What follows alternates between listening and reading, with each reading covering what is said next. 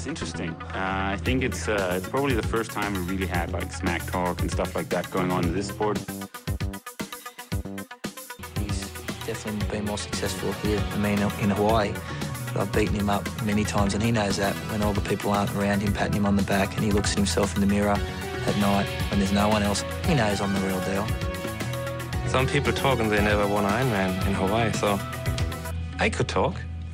I won twice.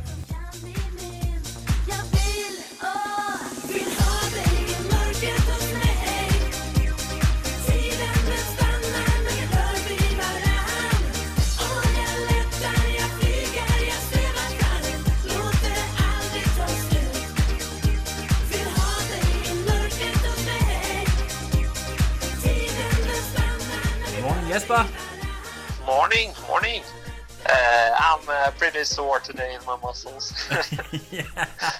Uh, I can I can almost imagine. So, did Coach uh, Frank Jakobsen uh, tell you to rest, or did you have a, a quick morning swim?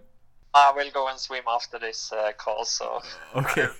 it's Okay. uh, lovely sunny weather here in Roth, so I will take care of some nice outdoor swim Yeah, fantastic. in the pool. Yeah. So yeah. let, let's talk about uh, what happened yesterday. That I know you have won two Ironman races before, but this second place finish that must really have been the highlight of your career so far. Yeah, yeah, yeah. yeah I have uh, never competed against uh, such a great field before, so I'm really, really happy about my performance. Talk about uh, before we go into the details about the race, uh, the Solarer Berg uh, experience and, and that finish line that that almost uh, behind the screen you could you could feel the atmosphere there. So I can only imagine how it must have felt for you as an athlete. Yeah, yeah, it was crazy. I, almost all Germany was here yesterday, so the the spectators, the all the volunteers, and all the yeah, all the press and all the all the yeah, like uh, uh, companies who uh, working with triathlon was here, so it was crazy, so crazy. What about uh, you and, and the team behind you, uh, friends and family and coach? Did you uh, celebrate yesterday, or or did you went to, to sleep pretty quick afterwards? I was pretty tired yesterday, but uh, I had a nice uh, dinner with my family, and then uh, yeah, I just rested, and uh, I was really happy about my performance, and I think I will celebrate a little bit more in the week Yeah, when I'm home in Sweden. Fantastic. I know that, Yeah. that before going into this race, you had a goal about maybe breaking the sub eight hour barrier. Uh, you you came really really close, and I could see that uh, coach Frank Jakobsen he was yelling at you uh, one kilometer before the the finish line that you could still make it. So um, Yeah, uh, yeah. but but, but w- when you crossed that finish line, did that really matter? No, it doesn't matter. Uh, the places is always the most important because uh, yesterday the weather on the bike was pretty tough, so was no one who make a really fast bike. And uh, when you have a fast bike, then, then it's easier to go under eight. So Yeah. so I was more happy with my place than uh, being uh, over uh, two minutes uh, over the sub eight. Uh, yeah, Yeah, you Right. can see at Andy Dreitz, who won the race, he he barely made it under eight hours, so so everyone could see that it was not a fast day at all. No, no, no. And uh, also with the non-wetsuit swim, it's uh, also like one minute there. So Of course, of course. Yeah, we yeah. really have to talk about this race because what I really love about your way of racing is it's that mixture mixture of gutsy racing where you attack and then then you you keep very very calm when you're supposed to keep calm. So so um, of course you're known to be one of the top swimmers in the field, but but you really didn't have to attack because you have guys like Andy Potts who have been first out of the water in Kona several times, and you have. Um, you also have uh, Braden Currie, people who can really swim, but but you you chose to, to really attack uh, from the start. So so talk about your your approach to the race here. yeah, I'm a guy who was uh, going uh, mostly uh, with feelings. So yesterday I had uh, like this feeling that I want to push really hard on the swim, and uh, I I was strong all the way on the swim, and. Uh, uh, I, I started a little bit uh, more on the right side, and the top guys was on the light, uh, left side of the start line. and then I was doing really good. Uh, yeah, like uh, a couple of hundred meters, and then when we come uh, together uh, in a straight line, I had like five meters, and then it just uh, grow, growing and growing all the way to the yeah finish of the swim. Were So you were you surprised when you came out of the water in 48 minutes and see that you have you had uh, gapped people like Andy Potts that much by by, by several minutes even? Yeah, I didn't uh, think so much about it. I was just focused on uh, hammer more. So, Yeah. yeah, yeah. Out on the bike, you um, you uh, had a lot of TV time for, for your sponsor Fusion. Be unstoppable. Uh, your focus there was that just to to make as much time as possible out in front, or, or what was the tactics? Did you know that that maybe Wurf or some of these guys might catch you at some points, or, or what, what what were you thinking about at the, the first stage uh, of of the bike? yeah, I was just waiting for them to come, but I I uh, I went uh, really hard on the bike the first part also, so I knew that uh, if they are going to catch me, they are going to suffer uh, a lot also. And then uh, when the three uh, took overtook me, uh, then I just uh, tried to be on the last spot on the group, but they are so good on the bike handling. Uh, in the yeah, it was uh, some turns and stuff, and uh, yeah, I I'm not there yet, so I lost some time on the second lap, and then I just uh, was by myself again. So I I paced I paced myself really good on the bike also. So talk a little bit about this because uh, these guys are maybe some of the best bikers in the world. Andy Dreitz and and Böcherer, they they have uh, done amazing splits in the past. So so what what is it that they do? Is it short explosions on the bike, or or do they just keep a very steady and high pace, or, or how is it that so difficult to race against these guys on the bike? They are having a really solid pace all the time, and then like they are doing some small attacks when it's uh, hard on the course. So like on the second lap, it was uh, a lot of age grouper out there also, and uh, when it was some turns, uh, we got some uh, like. Uh, yeah, age groupers between us, and then we were hammering it, and then we were together again, and then yeah, it was like like uh, yeah splits of uh, in the group so it's really hard to keep uh, a group smooth in a uh, in a course like uh, Roth is so yeah it's uh, it's a hard uh, harder course also to be in a group Yeah, yeah. I ca- I therefore I think uh, everybody was so tired on the run because it's so hard a bike route E- exactly. Um, of course, you have been training on this course before the race, but but some of these guys, like Andy Dreitz, I think he actually grew up outside of Roth, and also uh, Andy Böcherer, he has raced there uh, plenty uh, times. Do, do you think that they have had a, a bit of an advantage to, to know the course inside out uh, compared to you, for for instance? Yeah, of course, a little bit, but uh, I did a really good uh, recon uh, the day before the race, so I was uh, confident about the turns and everything. But they are just like better cyclists than I was yesterday. So Okay, so I, I know that Frank uh, Jakobsen, Coach Frank, uh, is very scientific, and he he's a guy who loves to break a race into uh, to small bits. So did you know that you okay when I go to this hill, I will push this number of or watts or, or, or something like that?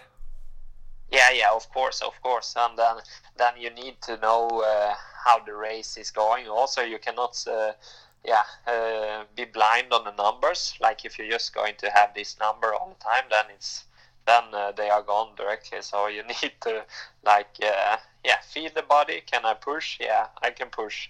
And then uh, yeah, can I push now? No, you need to rest a little Okay, bit.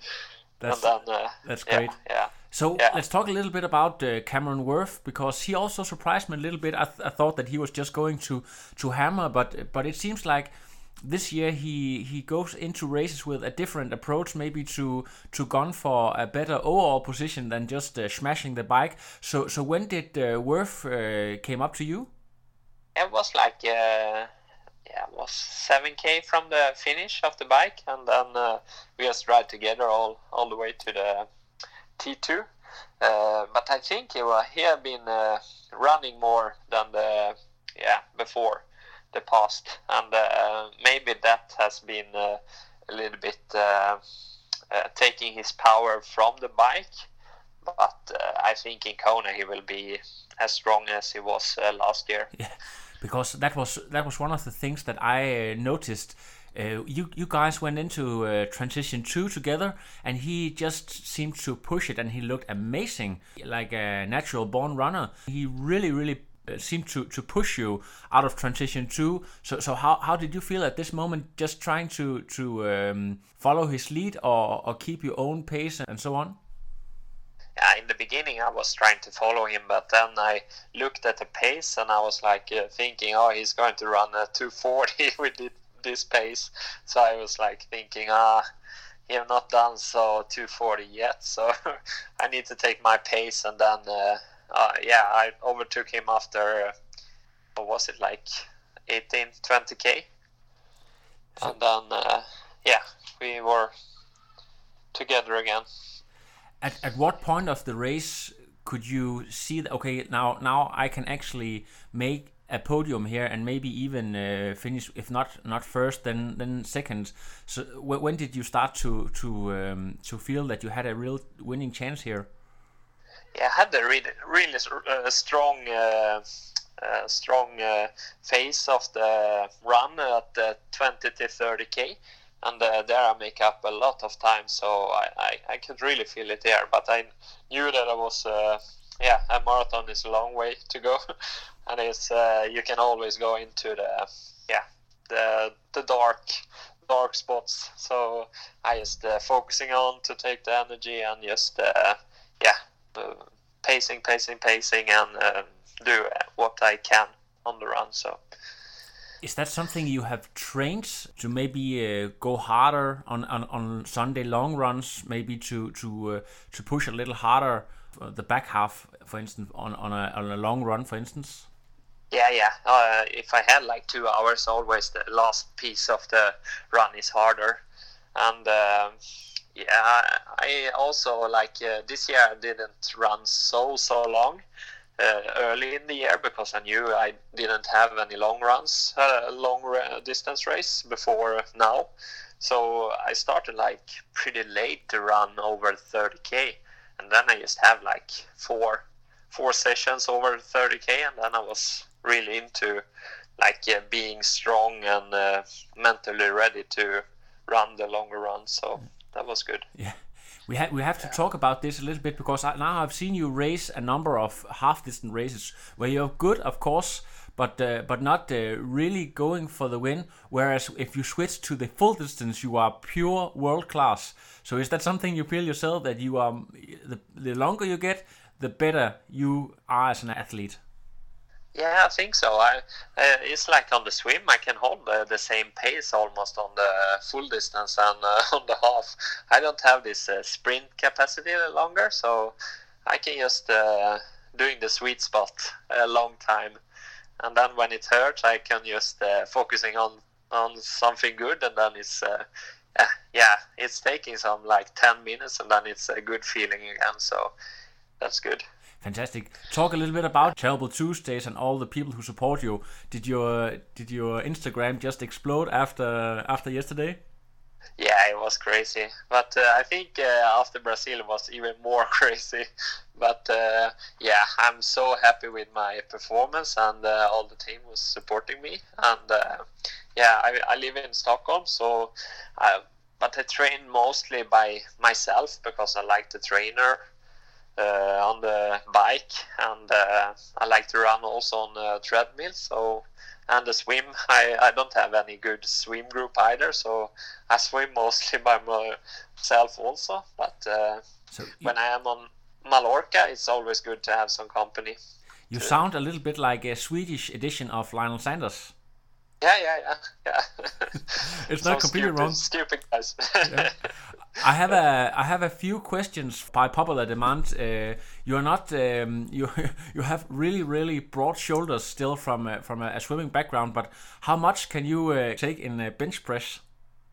Uh, I took uh, 122 and a half kilo once, so but that was a couple of years ago. Okay, you, you, do you think you can make 100 now if you had to try? Uh, if I if I get like two three weeks, I think I can I can do it. okay, that's that's that's amazing. So what will happen now? Um, are you are you going in? Of course, you will have a little rest now, but uh, but when will the the Kona the pure Kona preparation begin for you?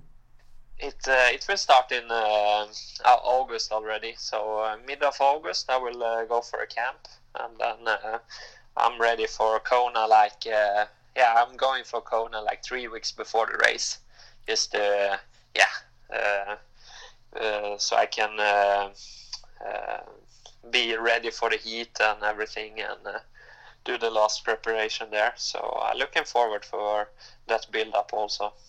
if you look at Instagram in Kona week, you can see that that people they uh, are very focused on on body weight and and to to um, trim the body fat to a, a pure minimum. You can, some some really scary pictures out there from uh, from the Energy Lab. Uh, is that something you have?